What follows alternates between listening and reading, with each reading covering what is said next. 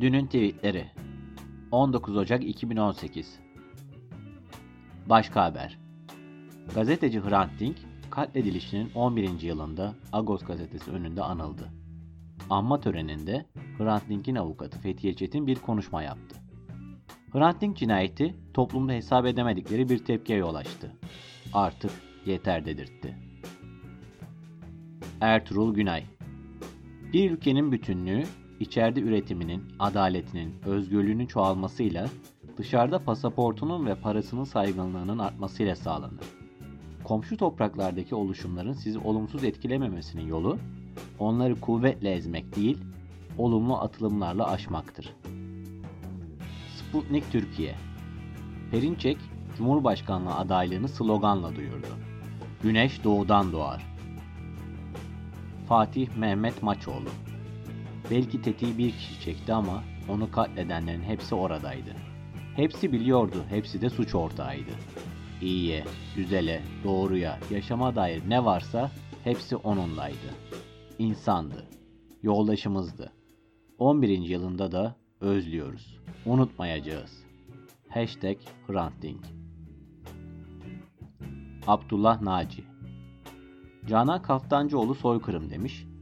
Hilal Kaplan devlet suç işlemiştir demiş. Canan Kaftancıoğlu katil devlet demiş. Hilal Kaplan seri katil devlet demiş. Canan Kaftancıoğlu'nu linç ediyoruz. Hilal Kaplan'a ödül veriyoruz. Benim bu siyaset işlerine aklım ermiyor. Tuncay Beşikçi FETÖ ile mücadelede bugün.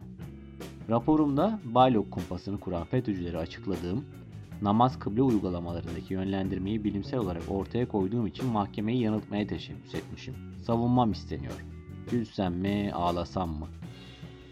Mehmet Bekeroğlu Hrant Dink Barışı, birlikte yaşamayı, hakkı, adaleti savunan güzel insan 19 Ocak 2007'de katledildi.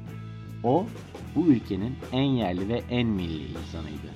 Ne yazık ki millilik ve yerlilik adına öldürüldü ve o gün başlayan karanlık süreç giderek yoğunlaşarak devam ediyor.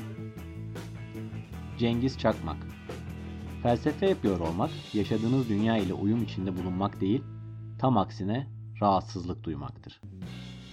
Önceki yazılımcı Şirket basını açıklama yaparken bu yıl %50 büyüdük, her şey harika gidiyor, süperiz. Benimle zam konuşması yaparken, biliyorsun ekonomi çok iyi değil, o yüzden iyi bir zam yapamıyoruz. Fatih Koparan Beyoğlu'nda Hayata Sarıl diye bir restoran var.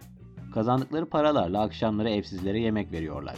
Çalışanlar da toplum tarafından dışlanmış insanlar. Yolunuz düşerse uğrayın. Yemekler de çok lezzetli. Bülent Emrah Parlak Seni çok seviyoruz.